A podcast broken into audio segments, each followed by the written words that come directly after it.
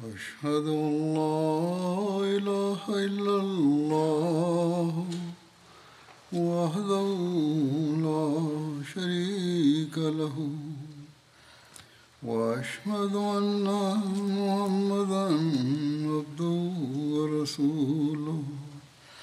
أما بعد فأعوذ بالله من الشيطان الرجيم.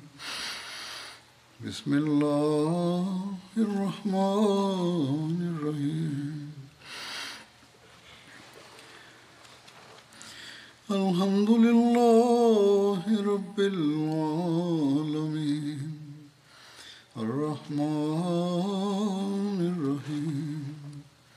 مالك يوم الدين.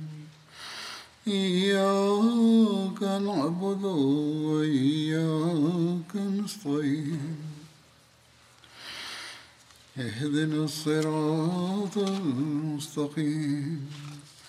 صراط الذين أنعمت عليهم. غير المغضوب عليهم ولا الضالين.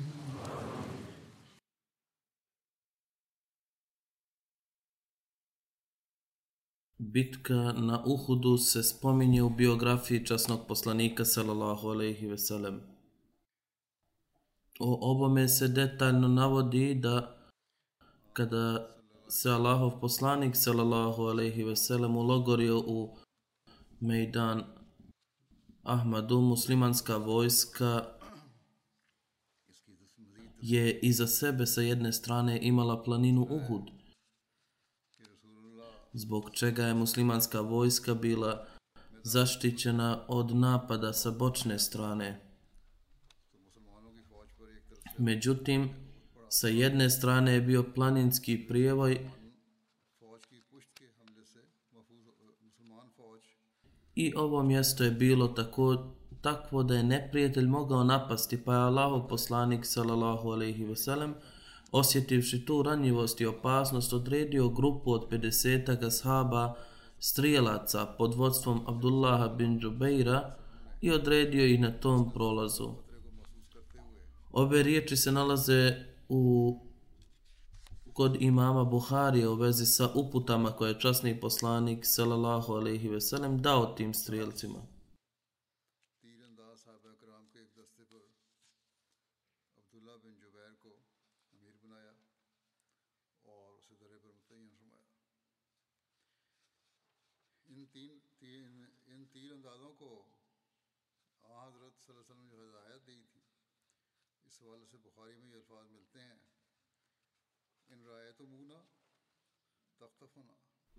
Ako nas vidite da nas ptice jure, ipak se ne mičite sa ovog mjesta dok vam ne pošaljem poruku. I ako vidite da smo pobijedili neprijateljski narod i da smo ih pregazili, ipak se ne mičite sa ovog mjesta dok vam ne pošaljem poruku.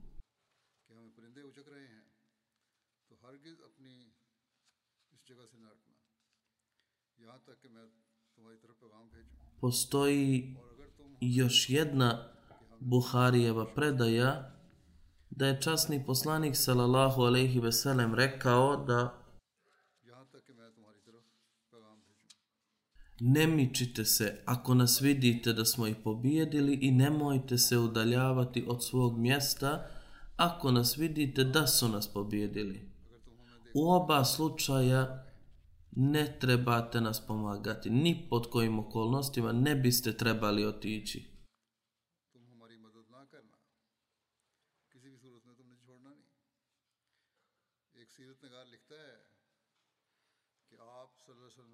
Jedan historičar je napisao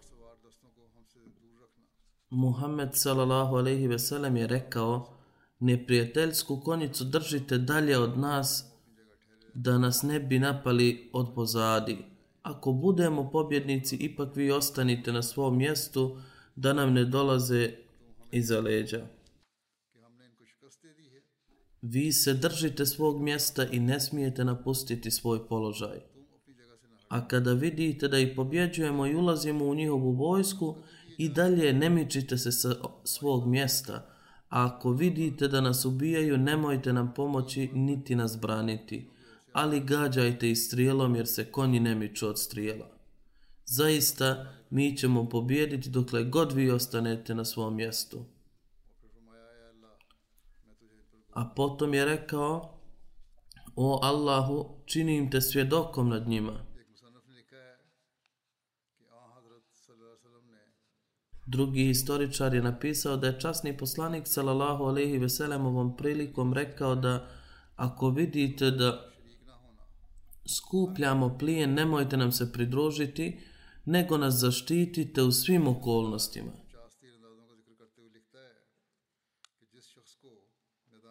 Ova historičar pominje 50 strijelaca i piše da je osoba koja je imala priliku da vidi bojno polje i da se upozna sa scenom Džebel al-Ramija koja se nalazi na ivici doline, bit će mu poznato veliko vojno iskustvo časnog poslanika sallallahu alejhi ve sellem iz kojeg se istica u planiranju bitaka i njegova velika vještina u organizaciji vojne sile i odabiru najboljih prilika za pripremu neophodnih za pobjedu u bitci.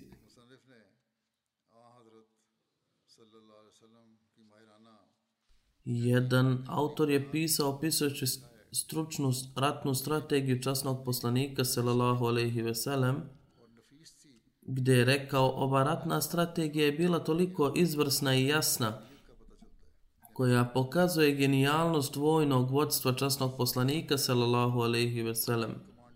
Odnosno pokazuje izuzetnu sposobnost i dokazuje da bilo koji komandant bez obzira na to da koliko god je inteligentan ne bi mogao pripremiti sofistici, sofisticiraniji i mudriji plan borbe od poslanika sallallahu alejhi ve sellem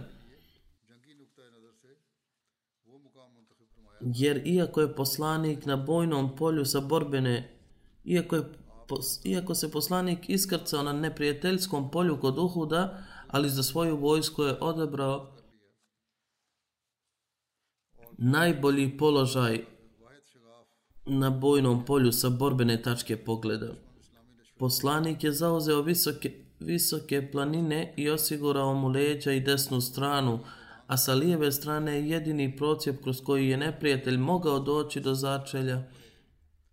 Islamske vojske blokirao je preko strelaca i odabrao mjesto malo više od polja za logorovanje, tako da bi u slučaju poraza umjesto da pobjegnu ili budu zarobljeni, islamska vojska može lako doći do sigurnog utočišta.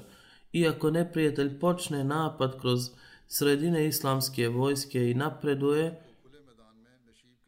da zauzme centar, morat će da se suoči sa veoma ozbiljnim gubitkom. Naprotiv, on je prisilio neprijatelje da ostane na padini na ovom bojnom polju. Iako su Kurešije mislili da će vojska izaći iz Medine i sljetiti i sletjeti ispred njih, ali je Allaho poslanik sallallahu alejhi ve sellem okrenuo vojsku muslimana u polukrug i ostavio neprijatelje na zapadu da zauzme najsigurniji položaj iza njih. Položaj na kojem je bila prisutna islamska vojska sada je bio u odličnom položaju. Stražnju i desnu stranu štitile su planine Uhud i Ainin. Na lijevoj strani strijelci su držali prijevoj na Džabal Rumi, a jugoistočni dio iza Džabal Rumija imao je okomiti greben doline Kanah na kojeg je neprijatelju sa kojeg je neprijatelju bilo nemoguće napasti.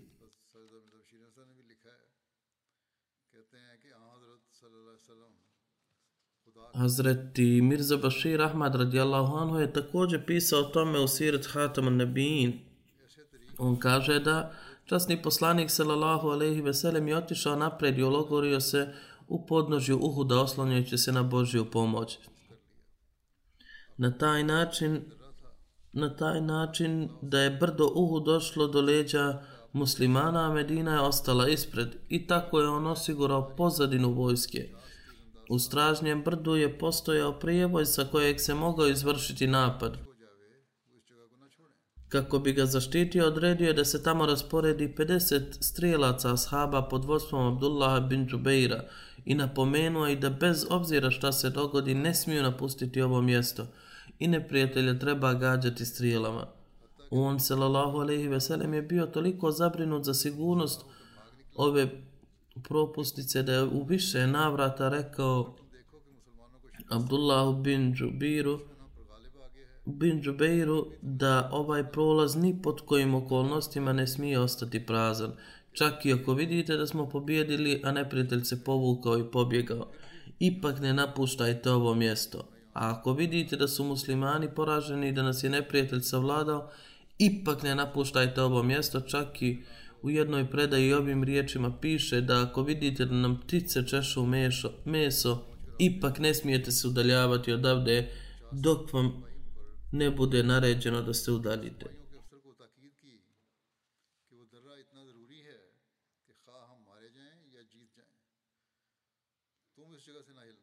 Hazreti Muslim Maud radijallahu anhu kaže o tome poslanik sallallahu alejhi ve sellem je konačno stigao do Uhuda.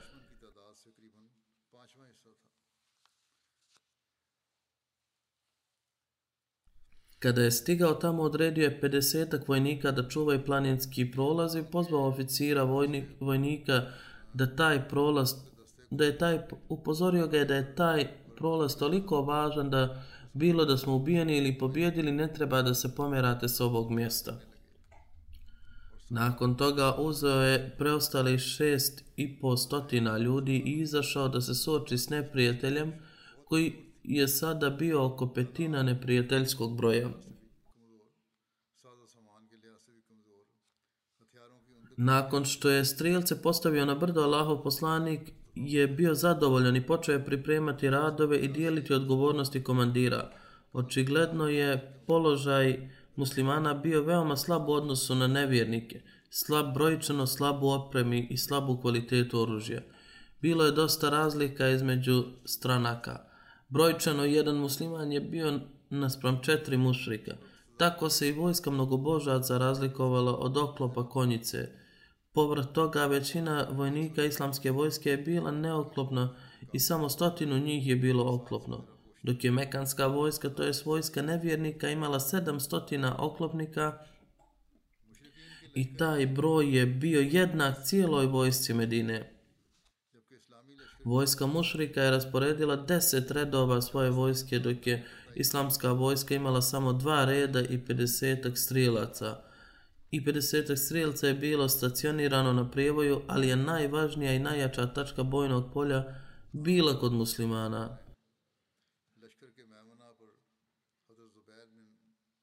Časni poslanik sallallahu alejhi ve sellem je imenovao Hazreti Zubeira bin al-Awama da predvodi desnu stranu vojske i Munzara bin Umara Ganvija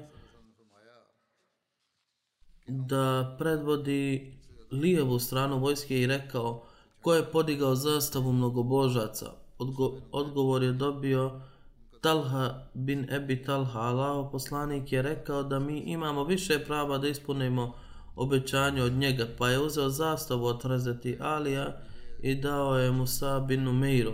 Musab je pripadao istočnom plemenu, to je Benu Abdal Dar bin Kusi, iz kojeg je bio ne, neprijatelj zastave Kurejšija, to jest osoba iz plemena Kurejšija koja je nosila njihovu zastavu. Poslanik je dao zastavu u, ruku, u ruke muslimana iz istog plemena.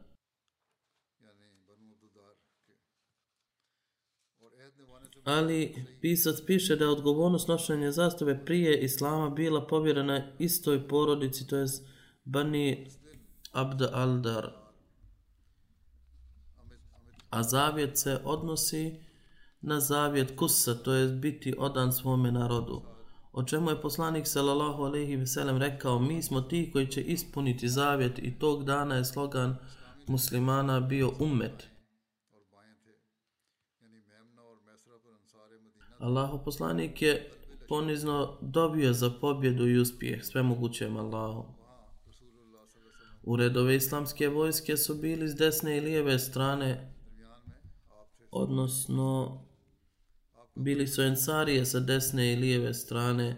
Na Mejni i Mejsri bili su ens, Ensari Medine i u sredini vojske gdje bude najveći napad, napad tokom borbe s, sa strane neprijatelja bio je Allahov poslanik sa muhađirima. Znači tamo na sredinu poslanik je lično bio prisutan sa muhađirima. Njegov položaj je bio tačno u sredini iza drugog reda, a mjesto gdje je stajao je bilo odmah iza prvog reda. Naredio je ashabima da ne, napad, da ne, napredaju, ne napreduju prije nego što primaju naređenje od njega. U muslimu se prenosi od Enesa da je Allah poslanik sallallahu alejhi ve sellem upućivao dobu na dan Uhuda koja znači da o Allahu ako hoćeš nećeš biti obožavan na zemlji odnosno ako ne pomogneš to će se dogoditi. U nekim hadisima se spominje da je časni poslanik upućivao ovu dobu na dan bitke na Bedru. U muslimovom šarhu je zapisano da je moguće da je poslanik uputio ovu dovu u oba navrata. Allah najbolje zna. Prenosi se od Hazreti Sada bin Abi Vakasa da je Abdullah bin Džahaš rekao pođi sa mnom i zajedno ćemo se moliti Allahu. Razdvojili su se na jednom mjestu pa je Hazreti Sad dobio sutra kad budemo se sreli sa neprijateljima voleo bi se sočiti sa jakim i čvrstim ratnikom. Ja ću se boriti s njim za tvoje zadovoljstvo i on će se boriti sa mnom. Onda mi daj pobedu nad njim i ja ću ga ubiti i oduzeti mu opremu.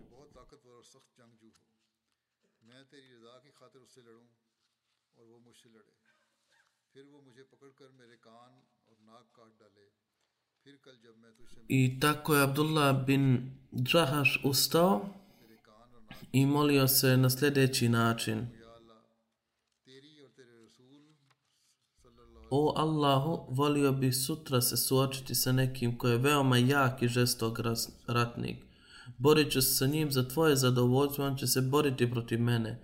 I neka me savlada i odsjeće mi nos i uho, pa me, pi, pa me ti pitaj sutra kad te sretnem. O Allahov slugo, zašto su ti uši i nos odsječeni? Pa, ka, pa da kažem, Allahu na zadovoljstvo tebe i tvog poslanika ovo mi se dogodilo. Zatim je rekao, da, rekao si istinu. Hazreti Sad bin Abi Vakas je rekao, o sine moj, dova Abdullaha bin Čahaša bila je bolja od moje dobe. Vidio sam Abdullaha tog dana uveče da su mu uši i nos visili o koncu. To jest neprijatelj ga je ubio. Abdullah bin Amr bin Haram je ispričao da je vidio mu Bašira bin Abdul Munzara u snu dan prije Uhuda. Dove obojice su prihvaćene. Jedan od njih je odnio pobjedu nad neprijateljem, a drugi se također dobro borio i na kraju poginuo. U svakom slučaju ova priča od ovama za ob... ovo je priča od ovama za oboje.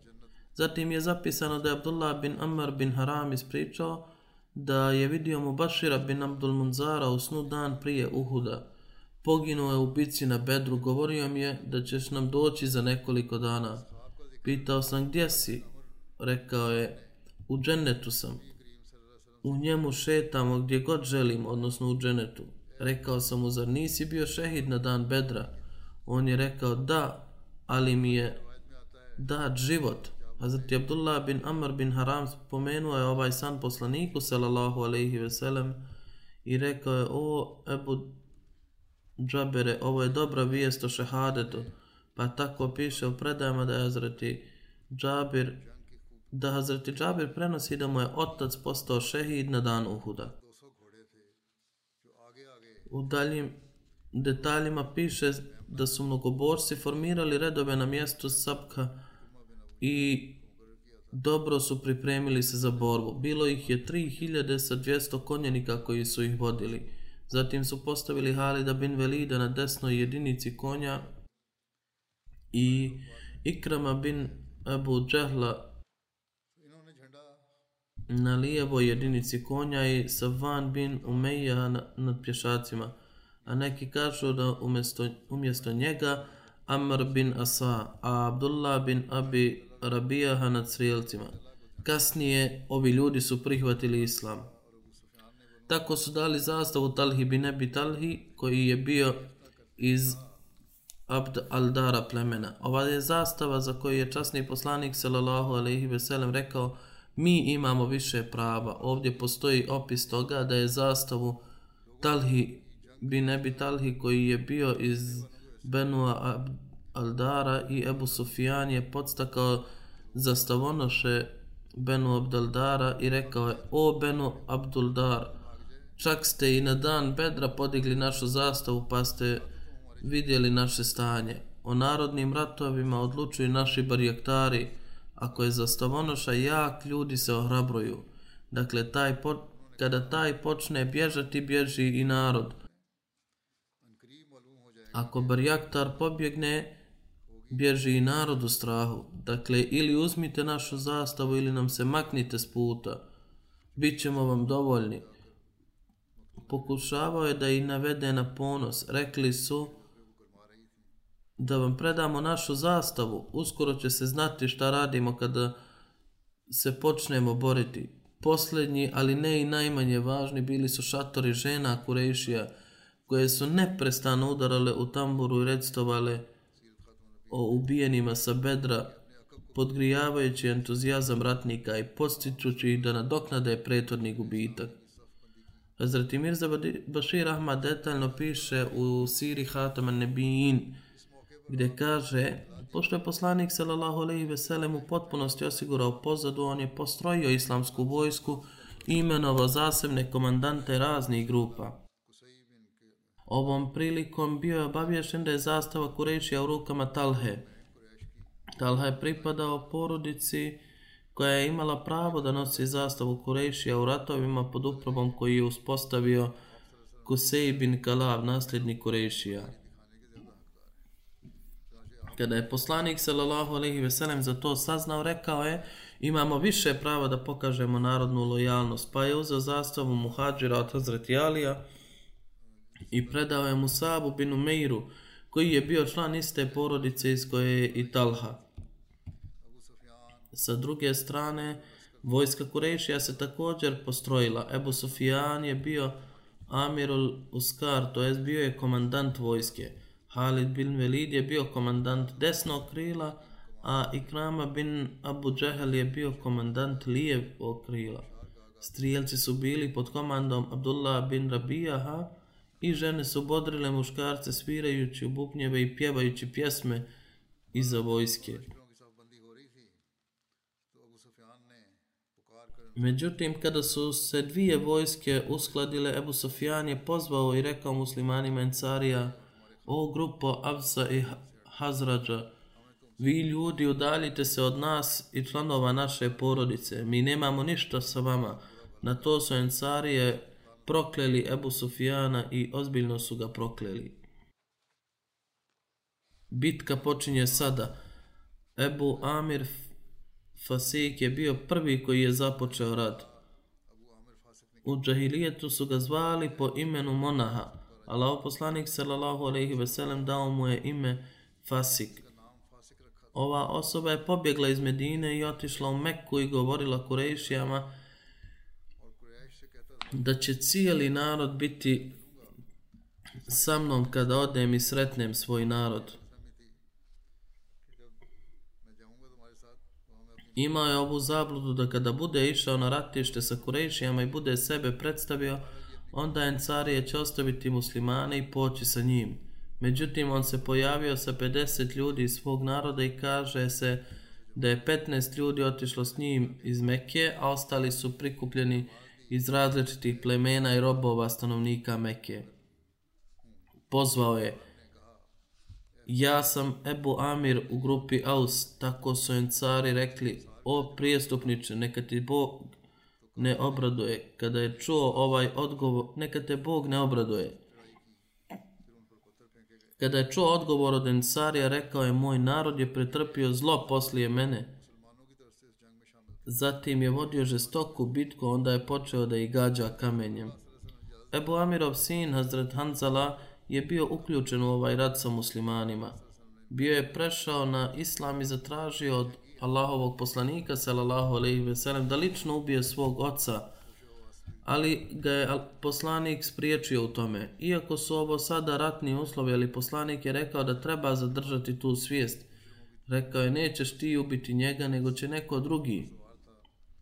Tako je nakon Ebu Amira u polje izašla osoba od mušrika koja je jahala Kamilu i zatražila dvoboj. Ljudi su se okretali prema njemu dok nije iz, izazvao tri puta. Zatim je izašao Hazreti Zubeir i krenuo prema njemu.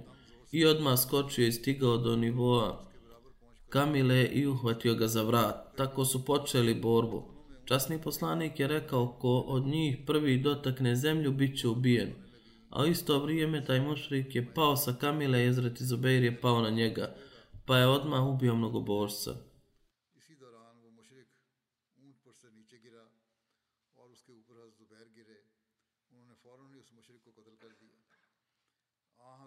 Časni poslanik sallallahu alejhi ve sellem je pohvalio Hazreti Zubeira i rekao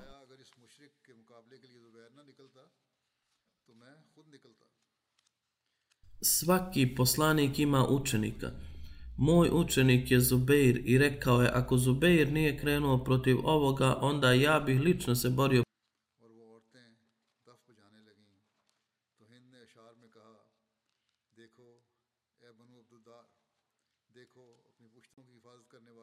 Dakle, da sviraju tamburu. Tada je Hind recitirala u stihovima Pogledaj o Benu Abduldar, pogledaj one koji štite dvoje leđe, samo naprijed i pokaži dragulje mača. Mi smo čerke gospode, ona je ovo pjevala. Mi hodamo po mekim čilimima, mi nosimo bisere na vratovima i imamo miris, ne mošu se. Ako napred dujete, mi ćemo vas zagrliti. A ako okrenete leđa, mi ćemo se naljutiti na vas i nećemo se žaliti što smo se okrenuli. Pokušala je da izazove emocije. Kada je Allah poslanik sallallahu alejhi ve sellem čuo ove strofe, rekao je: O Allahu, ja kružim s tobom i napadam s tobom i borim se za tvoje zadovoljstvo. Allah mi je dovoljan i kakav je on dobar činilac. Ovdje je za njih postojao svoje svjetovni izvor. Časni poslanik sallallahu alejhi ve sellem je rekao naš izvor je Allah. Međutim sada je počela redovna bitka između dvije vojske. Tog dana ljudi su se jako borili i rat je bjesnio. Ebu Dajjana Ansari Talha bin Ubejdullah, Hamza bin Abdul Mutalib, Ali bin Abi Talib, Enes bin Nazar i Saad bin Rabi i tako dalje pokazali su veliku hrabrost u borbi. Allah je poslao svoju pomoć muslimanima i ispunio svoje obećanje, a muslimani su mačem ubijali idolopoklonike sve dok ih nisu otjerali ili njihova vojska nije bila otjerana. Konjenici mušrika su tri puta napali muslimani i svaki put su bili odbijeni strijelama. Hazret Jomer je rekao svom bratu Zaidu tog dana, o brate moj, obuci moj oklop. A Zaid je rekao, ja sam također željan šehadeta kao i ti. Dakle, ova dva brata nisu nosila oklop u želji i nadi šehadeta u ratu. Kada su se borbe zaoštrile tog dana, Allaho poslanik sallallahu alejhi ve sellem je sjeo pod zastavama Ensarija i poslao poruku Ali da nosi zastavu naprijed. Na ovo je Hazreti Ali krenuo naprijed i rekao ja sam Abul Kasam. Na ovo je izašla osoba iz reda mušrika. To je bio Talha bin Ebi Talha sa zastavom, mnogo božaca u, ruči, u ruci, jer čast nošenja zastave u ratovima bila je rezervisana za porodicu Benu Abdaldara. Zato što je zastavu Kurejši napravio Abduldar, Talha bin Abi Talha je zatražio dvoboj. Ko je tu da se takmiči sa mnom? Mnogo puta je izazivao muslimane, ali mu niko nije došao. Na kraju je Talha povikao i rekao, o drugovi Muhamedu, Muhammedovi, vi mislite da vaše šehidi idu u dženet, a naši ubijeni idu u džehennem? U drugoj predaji piše da je rekao, o drugovi Muhammedovi, vi mislite da će nas Allah staviti na oštricu vašeg mača i baciti nas u džehennem i ubiti vas našim mačevima i smjestit će vas u dženet? Dakle, ko je od vas taj koji me može natjerati da što prije odem u džehennem sa vašim mačem ili mojim mačem što prije ide u džennet. Pokušao je da podstakne emociju i rekao, tako mi lata, uza, vi ste lažovi.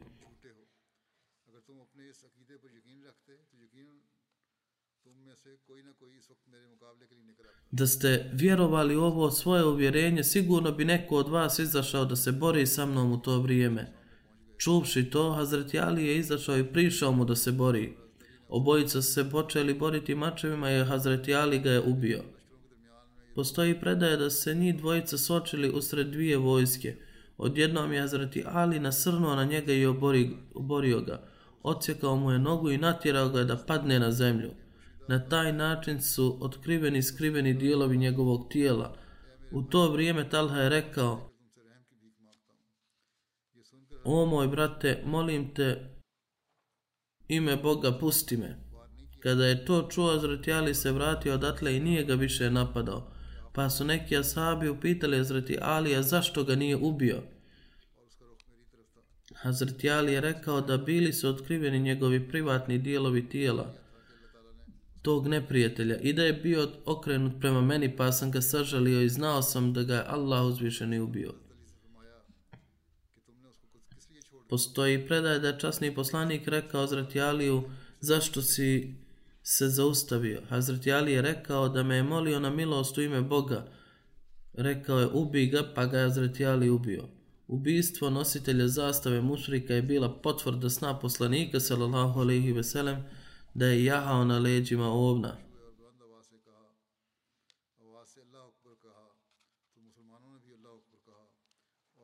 Odnosno da je jahao na leđima rama. Allahu poslanik sallallahu alejhi ve sellem je bio sretan i rekao Allahu ekber u sav glas, pa su i muslimani rekli Allahu ekber i, tak, i tada žestoko napali mušrike da su se njihovi redovi razbježali. Ashabi časnog poslanika sallallahu alejhi ve sellem podijelili su se u razne grupe i počeli sjeći neprijatelje mačevima sve dok ih nisu otjerali iz svog prisustva.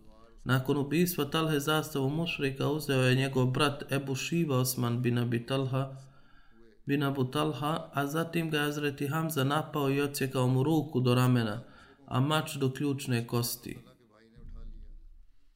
Nakon što ga je ubio, Azreti Hamza se vratio odatle govoreći Ja sam sin Abdul Mutaliba, služitelj vođe hodočasnika. Nakon toga zastav mnogobožaca podigao je brat od Osmana i Talhe, koji se zvao Abu Said bin Abu Talha. Hazreti Sad bin Abi Vakas je u njega ispalio strilu koja ga je pogodila u prsa i također ubila i njega. Nakon toga Talha bin Abu Talha kojeg je ubio Hazreti Ali, njegov sin Musafa, je podigao zastavu. Zatim je Azrati Asim bin Sabit ispalio strijelu u njega i on je također bio ubijen. Zatim je zastavu uzeo Musafhin brat Harz bin Talha. Asim je ispalio strijelu i ubio i njega.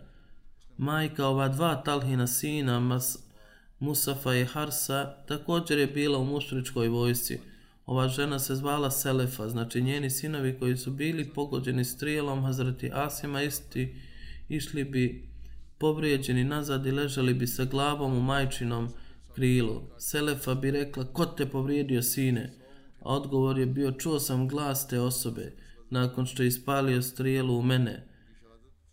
Rekao je, pobrini se za nju, ja sam sin Ebu Aflafa. Tako se zavjetovala, to jest njegova majka, da ako glava Asima bin Sabita dotakne moju ruku, ja ću je napuniti vinom i popiti. I najavila je da će mu dati stotinu deba kao nagradu ko odsjeće glavu Asima bin Sabita i donese je. Ali Hazreti Asim nije poginuo u ovoj bici na Uhudu. Poginuo je u Sarija Rađiju, Stoga je nakon ubistva ova dva brata, njihov treći brat Kalab bin Talha podigao zastavu, koga je ubio Hazreti Zubeir. Prema jednom mišljenju ubio ga je Kazman, zatim je njegov brat Džalaz bin Talha podigao zastavu i ubio ga je Talha bin Ubejdullah.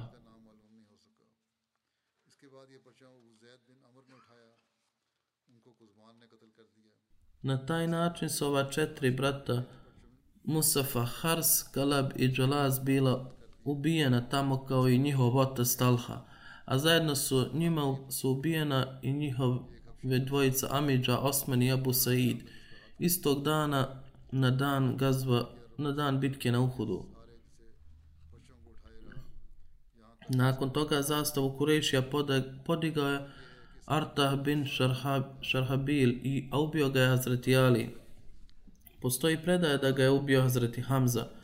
Nakon toga, kada je Šari bin Kazir preuzeo zastavu i on je ubijen, ali nije se moglo znati ime borca koji ga je ubio. Nakon toga ovu zastavu je podigao Ebu Zaid bin Amar, a ubio ga je Kazman. Nakon toga sin Šarhabila bin Hašima je podigao zastavu i njega je također ubio Kazman.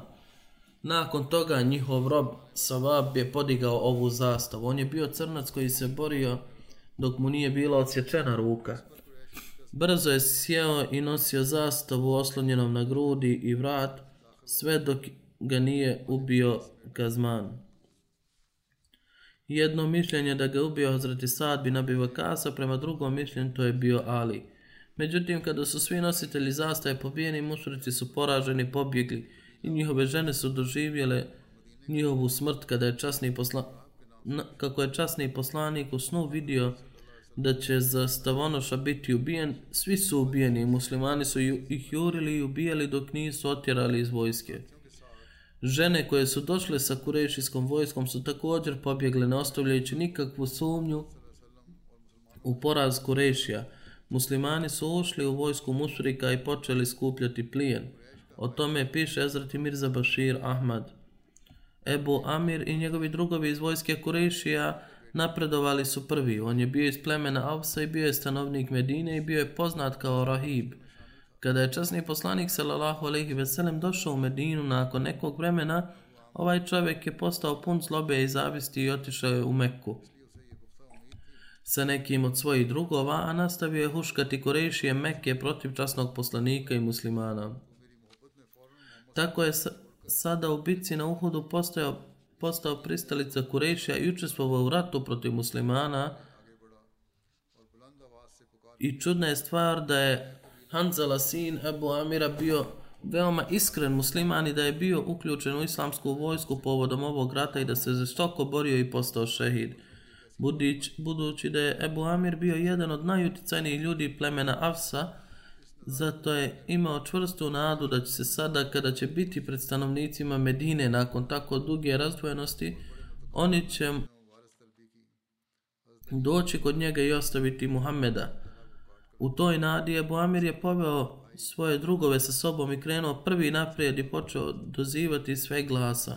O ljudi plemena Afsa, ja sam Ebu Amir, rekoše Encarije u glas, odlazi zli čovječe, neka te oči ne budu hladne, a u isto vrijeme nastala je toliko toliko je baraža kamenja da su Ebu Amir i njegovi drugovi potrčali natrag. Vidjevši ovaj prizor, Talha, nositelj zastave Kureši, otišao je naprijed u stanju velikog uzbuđenja i pozvao dvojbu vrlo arogantnim tonom. Hazreti Ali je krenuo naprijed i ubrzo ubio Talhu. Nakon toga je došao Talhin brat Osman i Hazreti Hamza mu je izašao i ubio ga. Kada su nevjernici vidjeli ovaj prizor, naljutili su se i izvršili opšti napad. Muslimani su također naprodovali uz uzbike tekbira i dvije vojske su se sugobile. Nakon što je nosila zastave Kurešija ubijen, dvije vojske se sukobile i uslijedila je žestoka borba, a ubijanje i krvoproliče se nastavilo neko vrijeme na obje strane. Konačno vojska Kurešija je počela polako da oslabi pored, pred islamskom vojskom. I tako to piše poznati engleski istoričar William Mayer – gdje kaže suočena sa opasnim napadima muslimana, mekanska vojska je počela da posuste.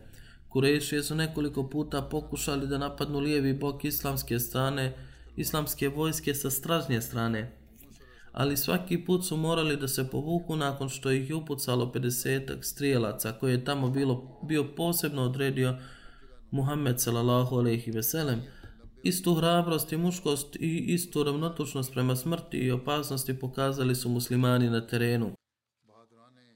Uh, na Uhudu, što su već bili pokazali prilikom Bedra.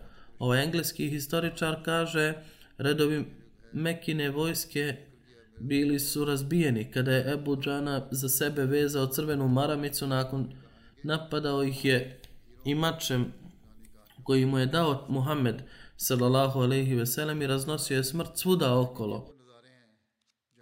Hamza je viđen posvuda kako maše snopovim perijem na glavi, ali je sa svojom dugom bijelom kosom i Zubeir sa svojim blistavim žutim turbanom. Hrabri ljudi poput Ilida nosili su sa sobom smrt i nevolju za neprijatelja, gdje god su otišli. William je pomenuo Ilid, to jest heroj grčkih priča, koji je bio žestoki ratnik. Međutim, kaže da su to znamenitosti na kojima se obučavali junaci kasnih islamskih osvajanja. Zbog toga se borba odigrala i postala veoma žestoka aspekt dominacije, dugo ostao sumnjiv. Ali konačno Božio milošću stopala Kurešija su počela da se tresu i znakovi nereda počeli su se pojavljivati u njihovoj vojsci. Nosioci zastave Kurešija su bili ubijeni jedan po jedan, a oko devet njih je redom uzelo svoju zastavu u ruke, ali su i sve redom ubili muslimani kao što je opisano ranije. Konačno, besinski rob Talhe po imenu Savab hrabro je stupio i uzeo zastavu u svoje ruke, ali ga je jedan musliman napao i jednim udarcem mu odsjekao obje ruke i učinio ga da zastava Kurešija padne na zemlju.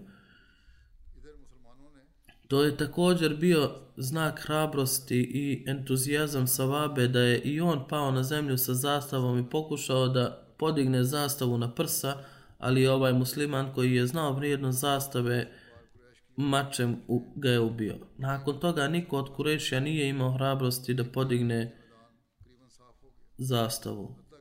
Sa druge strane, muslimani su slijedili naredbu časnog poslanika i učili tekbire i žestoko napadali neprijatelji i uništavajući i stigli do žena Kurešija. Mekanska vojska se prepala i, po, i polje je bilo skoro očišćeno. Za muslimane je stvorena čak i takva zadovoljavajuća situacija da su se zaokupili prikupljanjem plijena. Hazreti Muslim Maud je izjavio da dogodila se bitka i uz pomoć i podršku uzvišenog Allaha za kratko vrijeme 3000 istaknutih vojnika Mekke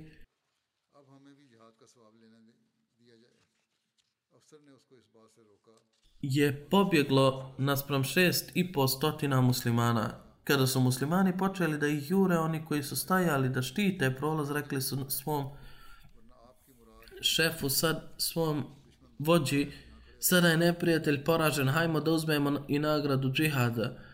Njihov vođa im je zabranio da to rade i podsjeti na riječi časnog poslanika, sallallahu alaihi veselem, ali oni su rekli ono što je Allah poslanik rekao je samo radi isticanja, inače ne bi mogao misliti da čak i ako neprijatelj pobjegne, treba da stojimo ovdje. Rekavši to, napustili su prolaz i skočili na bojno polje. I zbog ove neposlušnosti posljedice su se pojavile kasnije, o njima će govoriti u budućnosti.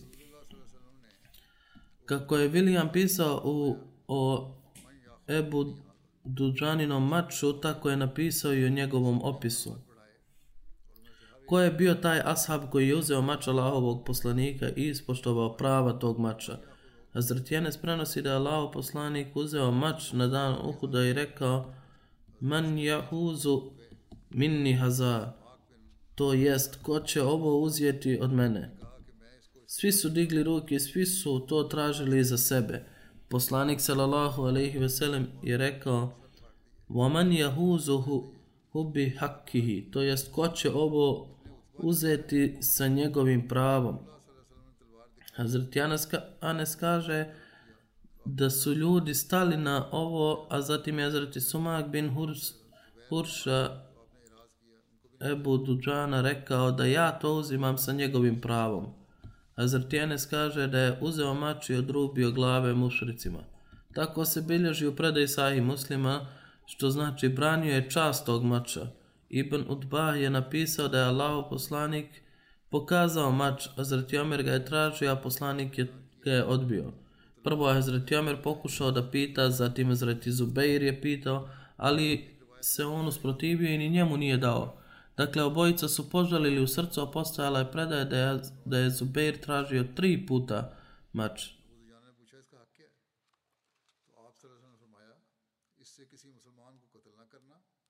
Svaki put časni poslanik se usprotivio, a Zretijali je ustao i zatražio, pa je poslanik mu rekao da sjedne, pa njemu isto nije dao. U predaji se spominje da je ovom prilikom ashabi koji su izrazili želju da im se pokloni ovaj mač, među njima bio i Hazreti Ebu Bekar. Zabilježeno da je Hazreti Ebu Duđana pitao kakvo je njegovo pravo, ko će to što ste rekli ispravno iskoristiti. Ebu Duđana je upitao šta je njegovo pravo, a poslanik je rekao sa ovim mačom ne smiješ ubiti muslimana i da ne bježiš od nevjernika dok ga posjeduješ, to je da se boriš sa njim. Hazreti Ebu Džana je rekao na to uzimam ovaj mač uz, u, uz postavljene uslove. Kada je poslanik sallallahu alejhi ve sellem dao mač Ebu Džani, on je njima otkinuo glave mušricima.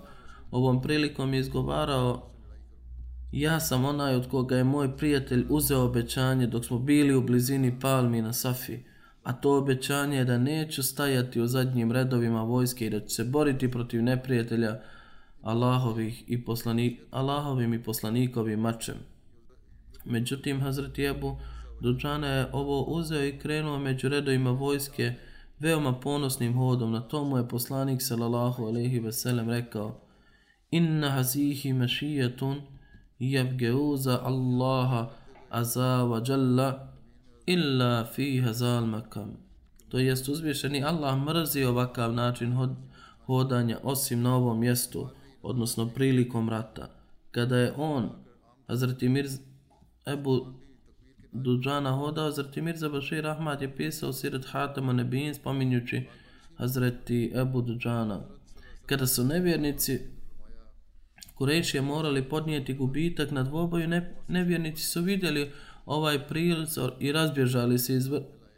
razbjesnili se i izvršili opšti napad. Muslimani su također napredovali uz, uzvikujući tekbire. Dvije vojske su sukobile jedna sa drugom. Najvjerovatnije ovom prilikom časni poslanik držući svoj mač u ruci je rekao ko je tu da uzme ovo uz, njegovo, uz njegovu čast. Mnogi ashabi su raširili ruke da požele ovaj ponos, uključujući Hazreti Omera i Hazreti Zubeira, ali prema nekim predajima tu su bili Hazreti Ebu Bekar i Hazreti Ali. Ali poslanik sallallahu alejhi ve sellem i dalje ga držao kod sebe i nastavio govoriti ima li neko ko to zaslužuje.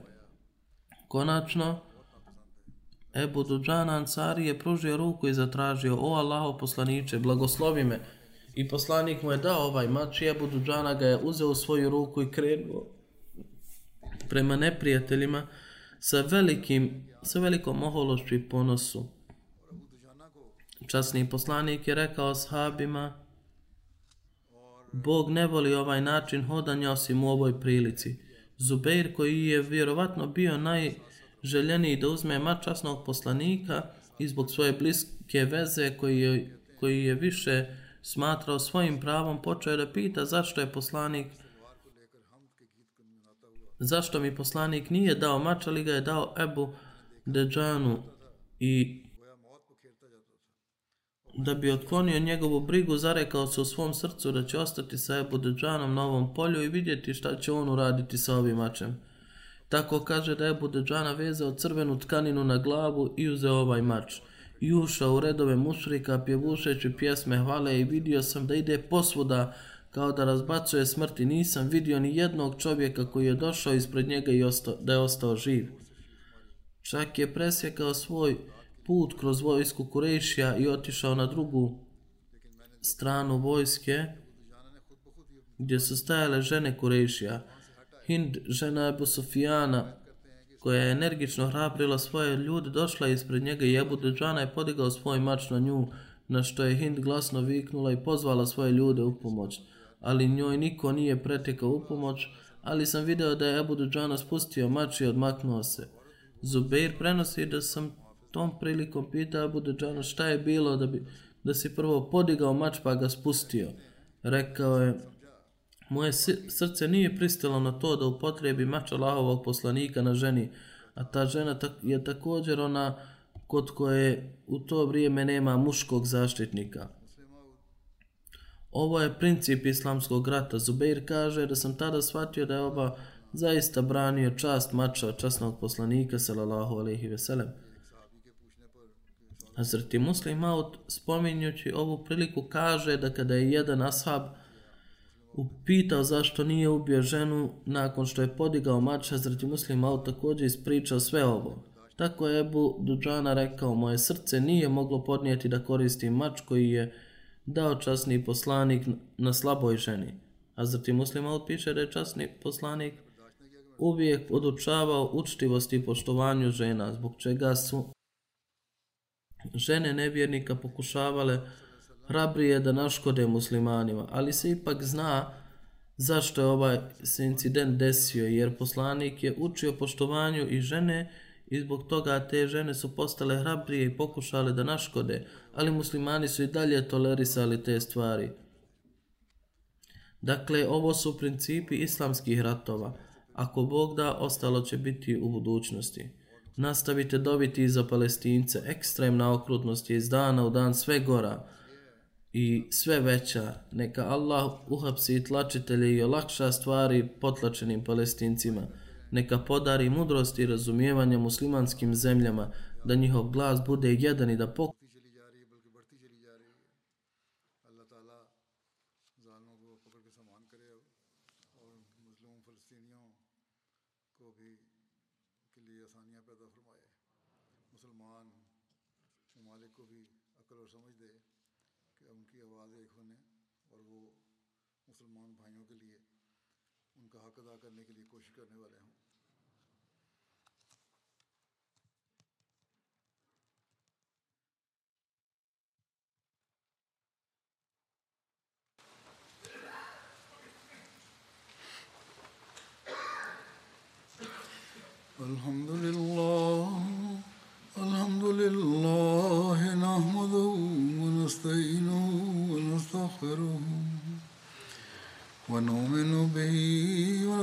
ونتوكل عليه.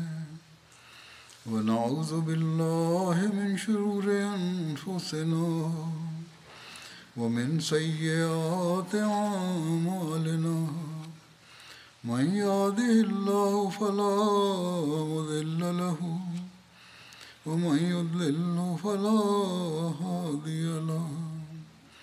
ونشهد أن